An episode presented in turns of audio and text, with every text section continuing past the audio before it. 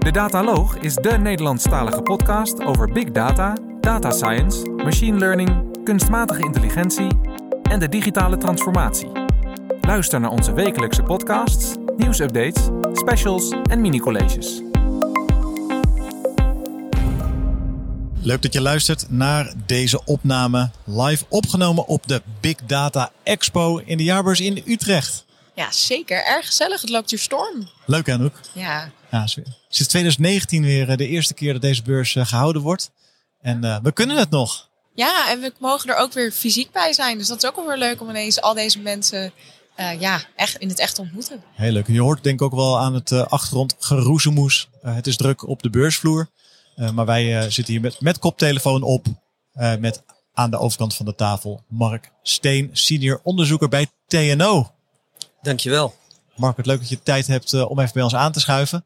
Jij gaat vanmiddag ook presenteren, hè? Ja, klopt. Ik ga een presentatie geven die heet Ethics for People Who Work in Tech. Ethiek voor nou ja, technisch georiënteerde mensen. Ja, en die titel heb je niet zomaar verzonnen, want ik begreep dat het ook de titel is van een boek wat je recent gepubliceerd hebt. Ja, klopt. Dat is een boek wat uh, in oktober uitkomt bij uh, Routledge CRC Press in de VS. En natuurlijk ook verkrijgbaar in Europa en in Nederland. Heel goed. Nou, we zullen een, uh, een link naar het boek in de show notes ook gaan plaatsen. Zoals mensen interesse hebben na het luisteren van deze podcast, kunnen ze door naar de bestelpagina. En Mark, vertel eens wat over, over jezelf. wie ben je, wat doe je en hoe ben je er zo toe gekomen dit boek te schrijven? Ja, ik werk als senior onderzoeker bij TNO al een hele tijd. Daarvoor heb ik bij Philips gewerkt en ook enige tijd bij KPN Research. En in de loop van de tijd is mijn interesse steeds meer gegaan naar ethische vragen stellen over nou ja, de mooie spullen die we allemaal kunnen maken met tech, met technologie, met data, met algoritmes, wat we tegenwoordig vaak AI noemen. Um, ook wel vaak kritische vragen te stellen. Ethische vragen, maatschappelijke vragen zoals als we dit soort data van mensen gaan verzamelen, als we dit soort algoritmes gaan uh, gebruiken voor bijvoorbeeld screenen van mensen, wat de politie doet, voor bijvoorbeeld uh, beslissingen uh, ja, geautomatiseerd nemen, zoals de Belastingdienst dat doet. Nou, dat zijn natuurlijk, kies die voorbeeld natuurlijk met opzet, daar kan het ook bij misgaan. Zeker. En dan, dan kunnen we daar dus, denk ik, beter in worden als, als, als techneuten, als ontwikkelaars, als data scientists, beter in worden om vanaf het begin af aan ethische vragen mee te nemen. Daar wat gevoeliger voor te worden. Daar ook wat tools voor te hebben. En hoe je dan ethiek meeneemt. En laten we dan misschien ook even bij het begin beginnen. Kan jij onze luisteraars even meenemen wat jij verstaat onder ethiek? En vooral ethiek in de techniek. Ja, dat is een mooie vraag. Ja. Jaren geleden begonnen mijn collega's binnen TNO mij uh, zo vragen te stellen. Hé hey Mark, uh, jij doet ethiek en zo. En uh, nou, kun je ons helpen dat dat prototype of dat algoritme of dat datamodel wat we maken zijn, of dat wel ethisch is? Nou, dat is natuurlijk een hele mooie vraag die ze me stellen. En ik antwoord dan eigenlijk zo terug van, ik ben niet degene die jullie kan of moet vertellen of het ethisch is of niet. Wat ik wel kan doen, is ik kan jullie helpen in jullie project, dat jullie onderling daar gewoon iets beter in worden. Wat zorgvuldiger, wat systematischer vragen te stellen. Uh, ethische vragen. En nou, terug te keren op jouw vraag, wat bedoelen we dan met ethische vragen? Er zijn verschillende ethische tradities in de loop van uh, nou, de honderden duizenden jaren natuurlijk ontwikkeld. Ik heb me dan uh, georiënteerd op vier uh, min of meer westerse tradities. Die kan ik straks wat meer over vertellen. En ieder van die tradities die helpt je om uh, op een bepaalde manier, vanuit een bepaald perspectief, vragen te stellen. Dus eigenlijk een soort van reflectie dan ja. of jij aan het doen bent waar jij achter staat? Zou ik het zo kunnen zeggen? Absoluut. Reflectie is het zeker het woord wat ik heel vaak gebruik. En um, wat ik ook wel eens tegenkom, niet alleen bij TNO, want die, dat, dat komt breder voor, dat mensen dan horen ethiek. En dan denken ze, oh wacht even, liever niet. Want dat is vast en zeker iemand die zo met een opgewe opgeheven vingertje gaat zeggen, nee, dat mag niet. En ook als ze het associëren met legal, met privacy of GDPR, wat natuurlijk, ja, dus ook associatie vaak wordt gelegd. Dan zeggen ze nou, liever niet, ja, of wel als het moet, maar als het moet, dan moet het. Maar het is, het is vaak gedoe, denken ze. En daarom heb ik ook in het eerste hoofdstuk van het boek, dan introduceer ik eigenlijk een nieuwe metafoor voor ethiek. Soms denken mensen dat ethiek meer een, een barrier is, een soort van roadblock, een slagboom, een, een obstakel eigenlijk. En zeg ik nou, je kan het je kan het liever uit misschien als een, als een, uh, als een stuurwiel. Dus dan is jouw project is de auto of het voertuig waarin je zit. En is je stuur, dat heb je in de handen om ervoor te zorgen dat je niet nou ja, in de berm geraakt, tegen de valrails komt, de verkeerde afslag neemt, botsingen maakt. Dus er is ethiek eigenlijk een manier om dat te doen wat je waarschijnlijk wil met je project, namelijk het goede doen. Ik ga er vanuit dat mensen het goede willen doen. En dat ze niet willen dat het ontspoort en gedoe oplevert en mensen benadeelt. En belastingdienst en politie, ter voorbeeld die ik gaf. Mark, je hebt me net achtergelaten met een enorme cliffhanger. Ja, Je noemde vier principes. Maar je hebt ze nog niet genoemd. ja dankjewel. Eh, Dat zijn, Kan je eh, ze noemen, alsjeblieft? Ja, absoluut. absoluut ja. Ehm, in technologie, ethiek of ethics for engineers, er worden die vaker gebruikt. Dat is zeker niet mijn uitvinding, maar ik heb deze vier. De eerste is eh, consequentialisme. Die gaat bijvoorbeeld terug tot filosofen als Jeremy Bentham. Heb bij mensen zoals van gehoord. The greatest good for the greatest number. Heel erg kort in de notendop is dat vragen stellen over als je dit gaat neerzetten in de wereld, deze dienst, dat systeem, dat algoritme, dat AI-systeem, wat voor positieve effecten kan het hebben en wat voor negatieve effecten kan het hebben? En dan natuurlijk die beslissingen die, te nemen die ervoor te zorgen dat ja, er veel voordelen zijn en weinig nadelen. Liefst zoveel mogelijk voordelen voor zoveel mogelijk mensen. Dus dat is eigenlijk de eerste. Dat is eigenlijk de plussen en min op goed op een rijtje zetten. De, de, de tweede, dat is eh eh, eh, plichtethiek. Er zitten plichten en deugden in. En daarbij zie je dat het eigenlijk zaak is om goed op rijtje te zetten. Zijn er bepaalde verplichtingen die we hebben? Nou, Sommige eh, engineers die hebben een code of ethics. Of sommige bedrijven hebben een hele duidelijk missiestatement. Waarin staat dat doen we wel, dat doen we niet. Daarnaast heb je nog allemaal wetgeving. Nationaal, bestuursrecht, internationaal, humanitarian law, human rights law. Dus het is, dit is best wel een soort van harde ethische stroming die ook best wel grenst aan legal, ook grenst aan juridisch. Wat mag wel, wat mag niet. Ehm, als je iets dieper graaft, kom je ook op mooie begrippen. Ik vind mooie begrippen als eh, menselijke autonomie, eh, menselijke waardigheid. Die staan ook centraal in, eh in plichtethiek. De derde is relatieethiek. Dat wordt ook soms ethics of care genoemd of feministische ethiek.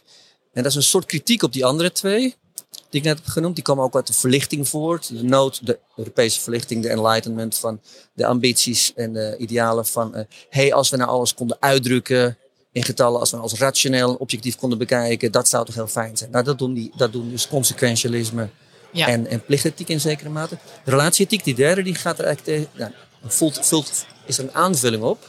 Je zegt, we moeten ook goed kijken naar de relaties die mensen hebben. Je wilt juist die andere persoon die jij voor je hebt speciaal behandelen in een dokter-patiëntrelatie of in een onderwijzer-studentrelatie of als je met elkaar getrouwd bent of als het je broer is of als het je werknemer is of je, of je compagnon. Dus dat, dat gaat eigenlijk heel erg op, ja maar wat gebeurt er nou als we deze technologie inzetten, dat algoritme, wat gebeurt er dan met die relaties? En dan zie je bijvoorbeeld, als je je voorstelt, politieagent houdt een burger aan.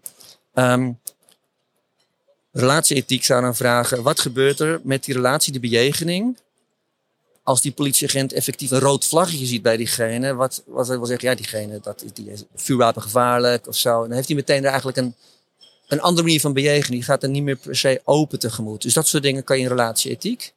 Vierde, dan maak ik de cliffhanger af. En ik kan wel verklappen, dat is om bepaalde redenen ook wel mijn, mijn favoriet. Ook omdat het een heel goed toepasbaar is voor professionals. Dat is de deugdethiek. En dan kan je terugvoeren naar Aristoteles. Mooie van deugdethiek wil ik zeggen, vind ik dat het je kan helpen om, om uit te zoomen. hey, als we het algoritme, die data, dat AI neerzetten, wat voor samenleving wordt het dan? Hoe kunnen we dan wel of niet goed met elkaar samenleven? Rechtvaardigheid is ook een heel belangrijke bij deugdethiek. En het kan je ook helpen, en dat is die link naar professionals. Het kan je helpen in de, aan professionals bepaalde hints te geven over welke deugden ze beter wel zouden kunnen ontwikkelen en toepassen in hun projecten. Zodat de producten die ze afleveren vervolgens ook weer mensen helpen met die deugd. Ik zal er een voorbeeld van geven. Stel dat je social media hebt. Nou, heel veel, apps zijn er natuurlijk. Die gaan vaak over, over verslaving. Of in ieder geval over het vormen van gewoontes. Van in die bubbel blijven, door blijven klikken, lang, et cetera. Nou zou het mooi zijn als gebruikers daarvan wat meer zelfbeheersing, self-control zouden hebben. Van nou, dat de deugd van zelfbeheersing, dat is een van de kardinale deugden volgens Aristoteles, die zegt van nou, ik ga er vijf minuten aan besteden, maar dan ben ik ook weer weg. Dan ga ik iets nuttigs met mijn leven doen. Dus dan is de deugd van zelfbeheersing nodig in de gebruikers. En dan helpt het enorm als de ontwikkelaars ook een soort zelfbeheersing hebben. Met wacht even, ik doe, ik doe die functie er niet in, die mensen helpt nog langer te blijven hangen. Ik heb zelf ook een zelfbeheersing over wat ik erin stop. Daar kan ik nog meer over vertellen, maar dit waren de vier. Dus de plussen en de minnen, de plichten, de rechten, de relaties en interacties, hoe ze veranderen. En zeg maar wat voor samenleving hebben we en welke deugden spelen een rol. Dat zijn de vier die ik uh, in het midden van het boek behandel uitgebreid. Dan heb ik daar twee vragen over. Die beginnen bij uh, die eerste deugd die je noemde, dat consequentialisme. Uh, je noemde de plus en de minnen bij elkaar optellen. Uh, maar een, een plus kan ook een bepaalde waarde hebben. Uh, is dat ook iets waar je rekening mee houdt? Of is het gewoon een, een, een kwantificatie van ik heb zoveel plussen, zoveel minnen? Het is precies wat je zegt. Dus die ethische stroming van consequentialisme. Het is alsof je plussen en minnen hebt, maar het zijn ook appels en peren. Het zijn zelfs uh, uh, ananas en tofuburgers. En, bedoel, ze zijn geen eens te vergelijken. Nee. En daarom is het goed om ze eigenlijk alle vier soort van tegelijkertijd te laten doen. Want met name die plichten en rechten van die plichtethiek, die helpen je heel goed om te zeggen, ja wacht even. Ik snap die voordelen wel, maar ik kan niet over dat mensenrecht heen walsen. Dat kan gewoon niet. Hoeveel plus er ook tegenover staan. Dus dat helpt om zeg maar dat plus en minnen wat te relativeren, wat te kwalificeren ook. En dan noem je bij die laatste, nummer vier, de deugdethiek. Um, ook dat je daar een afweging moet maken als ontwikkelaar van wel, ja, wat voor functionaliteit stop ik in een product. Bij NPO bijvoorbeeld uh, willen ze juist gebruikers ook uit de bubbel houden. Door uh, ook content aan te bieden die niet direct in jouw straatje past. Die misschien wel tegengeluid geven aan wat jij interessant lijkt uh, te vinden. Um, hoe, hoe vindt die afweging dan tussen bijvoorbeeld een economisch belang en het gebruikersbelang plaats? Want die staan ook niet altijd recht op elkaar. Ja, het is een, ik ga twee dingen op antwoorden. Eentje is, hey wat leuk, want die NPO-app heb ik jaren geleden een keer een workshop mee gedaan over precies dat onderwerp. Want we zagen van TNO en van NPO zagen we eigenlijk een gemeenschappelijke waarde op, uh, nou ja, pluriformiteit, uh, uh, informatie geven. Niet per se zo lang mogelijk in de bubbel houden, maar zoveel mogelijk diversiteit geven. Toen hebben we ook ja, gebrainstormd over, als je nou drie keer op een, zeg maar, een informatief programma hebt geklikt, dan krijg je een keer entertainment, maar ook andersom. En als je drie keer op iets rechtsigs hebt geklikt, dan krijg je daarna juist iets linksigs. En we hadden ook dat, toen was net um, Tristan Harris bezig met Time Well Spent. Dus een notificatie op laten poppen als je langer dan vijf minuten bezig bent van is dit echt de manier, even zelfbeheersing. Is dit de manier waarop je de komende uur of weer gewoon nu iets nuttigs gaan doen? Dus dat is eentje. De andere is belangen. Heel belangrijk, dat is best wel een actueel thema ook in de, in de wetenschap van wat wordt genoemd value sensitive design. Dan ga je dus mensen, stakeholders rond de tafel brengen. Die mogen hun values mogen ze over vertellen. Wat vind je belangrijk? Die stakeholder, die stakeholder. En dan zie je vaak dat dan per ongeluk soms door de war kan lopen. Of ze het over een waarde hebben die ze belangrijk vinden. Of over een belang. Wat ze eigenlijk uh, zo belangrijk vinden. Uh, dat ze er niet vanaf willen stappen. Dus dat is, eigenlijk heb je dan ethiek en politiek door elkaar heen. Je hebt waarden en je hebt macht door elkaar heen. Dat is niet per se makkelijk. Daar heb ik niet per se een oplossing voor. Behalve dan in zo'n sessie te zeggen Oké, ik hoorde u nu zeggen dat, dat de bottom line bijvoorbeeld je, je, je kosten en baten super belangrijk is. Dat, dat begrijp ik. Maar dat kunnen we ook vaststellen dat het een belang is vanuit je bedrijfsredenering. Dus dat, daar kadert het een beetje in als van, dat is ook iets. Maar het is net iets anders dan een ethische afweging van waarden. Maar het heeft wel een sterke invloed erop. Ja, enorm. En dat is eigenlijk, ja, dat, het loopt door elkaar heen. En dat is, um, even zien, wat kan ik er nog meer over zeggen? Ik ben heel blij dat mijn boek in de VS uitkomt, want daar is het eigenlijk heel normaal om alleen maar, bijna alleen maar in ja, liberalisme, neoliberalisme, kapitalisme, profit te denken. Dat is bijna, ja, als je iets anders zegt, dan ben je of socialist of communist zo'n beetje. En in Europa hebben we dat wat mij betreft gelukkig anders. Dus in Europa kan je veel makkelijker, in Nederland kan je veel makkelijker zeggen, ja, ik hoor je wel een beetje bedrijfsbelang, maar we hebben ook mensenrechten, we hebben ook democratische waarden, we hebben publieke waarden. Ja, dat kan, dus kan je zeggen. Dus ik hoop dat mijn boek dat in de VS zeg maar, hey, wat eye-openers voor kan zorgen. Want daar is dat misschien moeilijker. Silicon Valley is alleen maar bottom line. Als je er iets anders wil, dan moet je echt een B Corp worden. En dan word je, nou, het is heel, heel apart een B Corp. Die heeft een maatschappelijk nut. Maar hier zit wel ook natuurlijk nog een andere kant aan. Waar ik ook wel benieuwd naar ben hoe jij daar naar kijkt. Want natuurlijk uh, wil jij tegen zo'n app-ontwikkelaar zeggen of een website-ontwikkelaar of wat dan ook van goh, maar er zijn ook nog andere waarden die je moet meenemen. Maar uiteindelijk moet je als ontwikkelaar ook een huis boven je hoofd houden. Je hebt ook nog je persoonlijke waarden en je persoonlijke nood, needs daar ook nog in. Van je moet wel betaald krijgen, inflatie, dit, dat.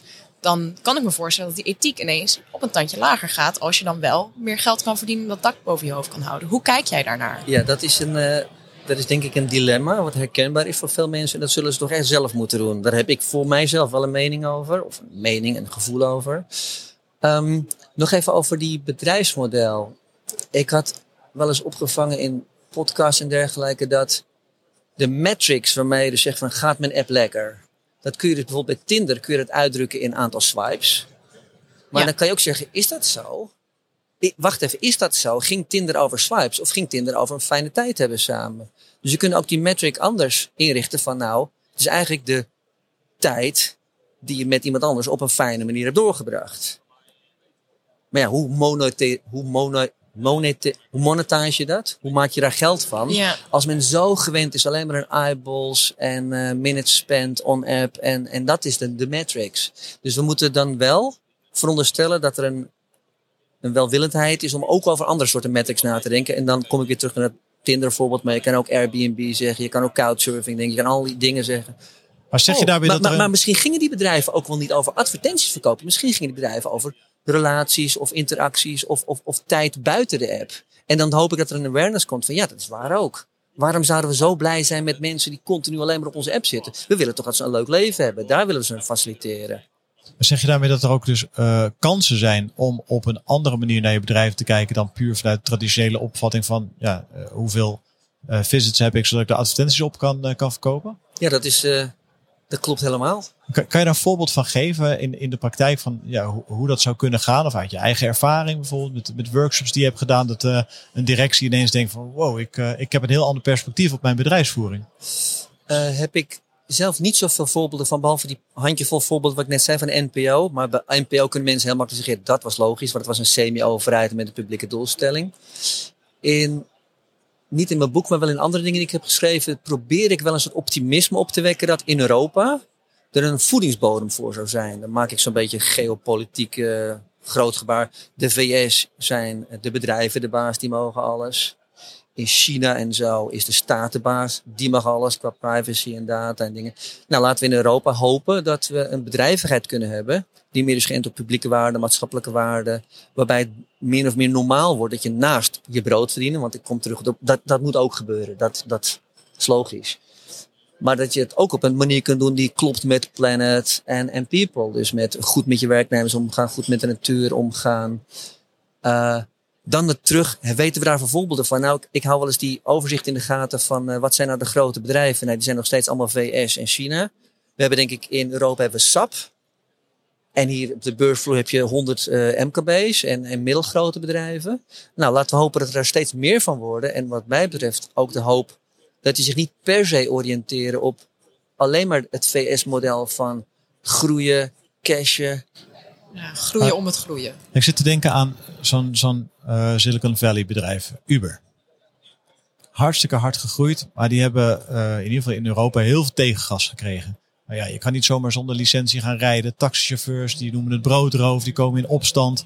Eh, vrouwen voelen zich onveilig in de taxi. De chauffeurs die zitten onderweg op de app te kijken, zitten veel te lang eh, in die auto. En je ziet dat eh, het model van Uber ook de afgelopen jaren veranderd is. Dat ze allerlei diensten voor ontwikkeld hebben. Ehm, ja, kan je dat wat, wat duiden? Zie je dat op een grotere schaal ook zo gebeuren? Dat de, bedrijven hun neus stoten en daardoor ook Ja. meer die ethiek eh, in gaan zetten? Ja, en misschien wel soms via de, via de, via de hoek van legal, van juridisch. Dan moet ik even mijn geheugen. Kun je met me meedenken, was er niet twee weken terug een uitspraak van de rechter die zei, je kan, was het niet Uber Eats? Van je mag je bezorgers niet als ZZP'ers beschouwen, maar het zijn effectief werknemers waarvoor je effectief wel moet zorgen. En volgens mij hebben ze toen teruggetrokken uit Nederland. Van, ja, als jullie het spel zo juridisch en democratisch en staatsrechtelijk spelen, als je echt voor je, om je mensen wil geven, dan, dan zoeken we wel een ander land op om. eh, ik, ik, ik chargeer die uitspraak natuurlijk enorm. Hè, maar dus het kan best zijn dat ze zo begrijpen ja, als ons Silicon Valley spel daar niet meer mag, dan, dan gaan we er anders naartoe. En ik zou dat toejuichen. Ja, dat is die platformgedachte ook. Hè? De- Ja, eh, Napster zei het ook al. eh, van, joh, eh, eh, content is niet van ons. Eh, wij bieden een platform. Als mensen daar eh, films op gaan delen, ja, ja, dat moeten ze zelf weten. Maar het is niet onze content. Ja, ja. En volgens mij, maar nu begeef ik me op het terrein van legal, waar ik niet expert op ben. Maar er is de Digital Market Act en de Digital, oh jee, Digital Services Act. Oh, mijn, mijn collega's van TNO die juridisch zijn, die zeggen Mark, dat had je uit je hoofd moeten weten. Het zijn twee afkortingen van drie letters. Ja. En die, die zijn nu onder behandeling, die komen over één, twee jaar effectief. Zoals de GDPR, maar dan plus plus. De ene gaat over platform en de andere gaat over consumenten.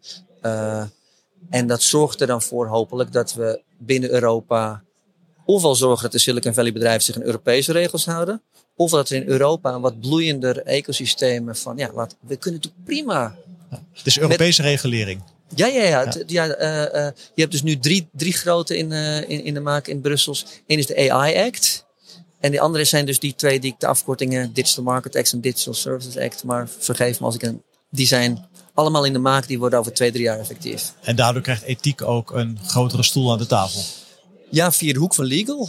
Maar het zorgt er dus voor dat we dan, oh ja, als, als dat platform niet meer monopolist mag zijn. Oh, als we die data niet meer mogen verzamelen. Oh, als AI dat niet mag overnemen, die jobs van mensen. Ja, dan moeten we dienst verzinnen die dat wel, de people en de planet, wat meer respecteren. Ik zou het zo mooi vinden op, het moment dat ethiek ook veel meer offensief gezien, wordt als iets waar je innovatie mee kan doen, waarmee je kan onderscheiden van uh, andere organisaties. Zoals Uber dat nu oppakt, maar dat is eigenlijk defensief om hun businessmodel te verdedigen in plaats van ja, dat ze dat zien vanuit de, de kans om dat uh, te doen. Hoe kijk jij er tegenaan? Gaat dat gebeuren? helemaal mee eens. Ik heb een uh, aantal jaar geleden, toen had ik een keer een radio-interview. En toen had de redacteur had daar fair trade algoritmes uitgepikt als titel, wat ik heel leuk vond. Uh, het is natuurlijk niet fair trade, want bananen kunnen fair trade zijn of niet. Maar het idee dat je dus een soort label krijgt op nou, dit bedrijf, of dit algoritme. De dit mensen die de algoritmes maken, die krijgen gewoon goed betaald hoor. Dus, uh... dat, is dan, dat, is dan, dat is dan ver van die trade. Maar dus het idee dat je, oké, okay, dit, dit, komt, dit is dus tot stand gekomen op een faire manier zonder privacy overheen te walsen, zonder bijvoorbeeld al die clickworkers uh, naar de baan te laten hebben, et cetera. Dat zou ik, uh, dat, ja, dat is enorm. En dan, nou, de vraag is, hebben we daar voorbeelden van? Ik ben continu bezig met daar voorbeelden van te zien. Want een paar jaar geleden hadden we in Den Bosch hadden we daar een, uh, een prijs voor uitgereikt. Die zou meerdere keren komen, maar het is toen met de corona bij ingezakt. Maar ik denk zomaar dat als we elkaar over een jaar weer spreken, dat we dan meer dan een handvol voorbeelden hebben. Ja, je ziet dat dit een opkomst is. Ja, ja. ja. Uh, deels hopend, deels zie ik het ook. Ja, ja. en gedreven door uh, jouw boek. er zijn gelukkig uh, meerdere boeken. En nou ja, wat ik al straks al kort noemde van de Weapons of Math Destruction. Ik denk voor heel veel data scientists echt een eye-opener geweest. Van oké, okay, dus als die algoritmes op die manier worden toegepast, niet handig. En met de verkeerde metrics, zonder goede feedback loops, met verkeerde waardes waarop ze zich richten. En dan kan het heel misgaan in onderwijs, in zorg, in publieke voorzieningen. Dus dat moeten we echt anders doen. En ik denk dat heel groot, ja, uh, ik ga vaak uit van de goedheid van de mens. Iedereen heeft in zich om uh, vanuit de zorg voor de wereld, vanuit de zorg voor zijn partner, voor zijn kinderen, voor zijn vrienden, voor zijn neven, net wie om je heen belangrijk vindt. Om het goede te doen, om, om een fijne maatschappij te in te richten. Nou, ik vind dat eigenlijk wel een hele mooie statement om mee af te sluiten. Dat inderdaad het goede zit in de mensen. Laten we dat inderdaad vooral benadrukken en kritische vragen blijven stellen. Dankjewel. Mark, dank dat jij hier aan tafel hebt willen aanschuiven bij ons. Ik wens je heel veel succes straks met de presentatie en vooral straks met de publicatie van je boek. Dankjewel. Bedankt voor het luisteren naar deze uitzending van de Dataloog. Vond je onze podcast leuk, goed, interessant of wellicht te veel ene en nullen? Laat een review achter of geef thumbs up. Heb je vragen of opmerkingen? Kijk dan ook eens op www.dedataloog.nl. Hier staan ook de show notes van alle uitzendingen. Je vindt onze nieuwe uitzendingen wekelijks op iTunes, Stitcher, Spotify en alle andere bekende podcastplatforms. Alles wat wij maken doen we onder Creative Commons. Je mag alles hergebruiken voor niet-commerciële doeleinden, zolang je ons als bron maar noemt. Volg ons op Twitter op @dedataloog. Graag tot de volgende keer.